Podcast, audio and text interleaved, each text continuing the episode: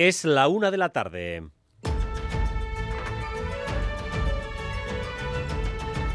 Crónica de Euskadi con Dani Álvarez.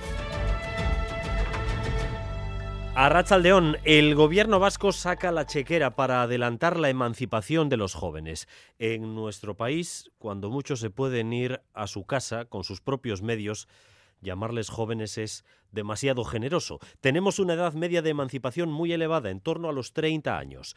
A partir de febrero, quienes tengan entre 25 y 29 recibirán hasta 300 euros de ayuda al mes. Rodrigo Manero. Sí, es el programa Emancipa que se anunció hace meses y que ya se ha concretado. El gobierno vasco acaba de aprobar el decreto que regulará la ayuda y que fija todos los requisitos. Podrán pedirla los jóvenes de 25 a 29 años con rentas de entre 3.000 y 28.000 euros anuales y que estén pagando alquiler o hipoteca. Finalmente, una pareja no casada podrá recibir dos ayudas porque se fija un máximo de tres beneficiarios por domicilio. La ayuda de 300 euros al mes durante dos años será compatible con la RGI y el programa Gastelagun, pero no con tener una VPO. El plazo para pedirlas se abrirá el próximo 20 de febrero y todos los requisitos se pueden consultar ya en la web de Gaste Auquera. A ellos, a los jóvenes, la idea les parece atractiva, aunque algunos desconfían de si habrá quien, como suele pasar, no aprovechará para hacer aún más negocio.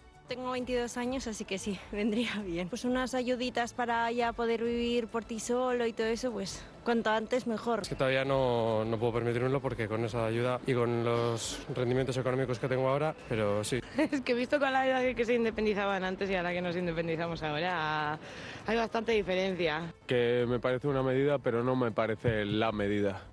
En general, los jóvenes lo tienen más difícil que una mayoría de pensionistas vascos que siguen en la cúspide de las pensiones más elevadas. Gorka Saavedra. Sí, tras la subida de las pensiones con el IPC aplicada desde principio de año, la pensión media por jubilación ha aumentado este mes un 9,4% con respecto al año anterior, situándose en los 1.378 euros, cifra que es superada con diferencia en nuestro territorio.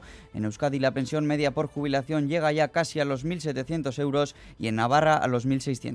Los pensionistas tienen múltiples descuentos por el hecho de serlo, por ejemplo, en el transporte público.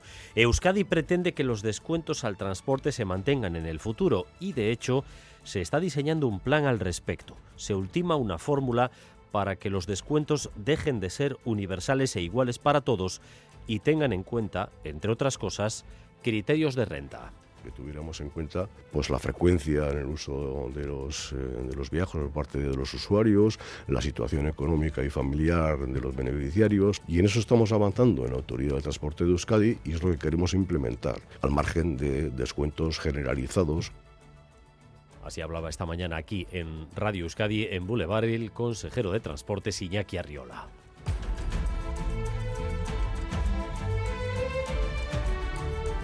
En Navarra ya avanzábamos la semana pasada que UPN quiere reproducir la estrategia de Feijó contra la ley de amnistía en su intento por evitar la moción de censura en Pamplona.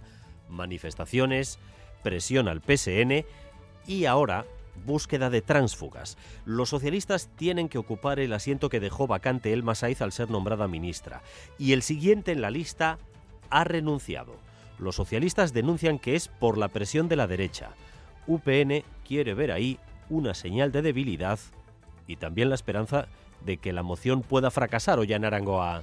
Se llama Tomás Rodríguez Garraza y no tomará posesión como concejal del PSN en el Ayuntamiento de Pamplona. Su partido denuncia que los señalamientos y ataques constantes de UPN y Cristina Ibarrola han provocado su renuncia. Miguel Matellanes, pamplones de 22 años, ocupará finalmente la vacante dejada por el Masaiz, aunque no llegará a tomar posesión del cargo el jueves. En todo caso, algo que no pone en peligro la moción de censura contra la alcaldesa de UPN que contara con 15 votos a favor frente a 11 en contra. Un suceso ha conmocionado a Francia esta mañana. Una madre y sus cuatro hijos han sido asesinados en una localidad a 40 kilómetros de París. La policía ha detenido al padre de los niños que había sido tratado por problemas psiquiátricos. Óscar Pérez. El procurador de la República ha explicado esta mañana que la policía ha encontrado en la vivienda familiar en la que entraba anoche, en la localidad de Meaux, una escena del crimen de una enorme violencia. Il découvrait ce qui constituait à l'évidence une scène de crime d'une très grande violence et cinq Una gran violencia y cinco cadáveres. Se trata de la madre de familia y los cuatro niños con edades de 10, 7 y 4 años y el más pequeño de 9 meses. Los dos niños mayores y la madre presentaban numerosas marcas de arma blanca, ha explicado el procurador. El padre había sido tratado por problemas psiquiátricos e incluso se ha confirmado que la madre ya fue agredida por él con un cuchillo hace cuatro años. Ella no presentó cargos y el caso fue sobreseído. Munduari begiratzeko modu bat es el nombre del nuevo proyecto presentado por los músicos Mikel Urdangarín, Rafa Rueda, John Cañaveras y el poeta Kirmen Uribe.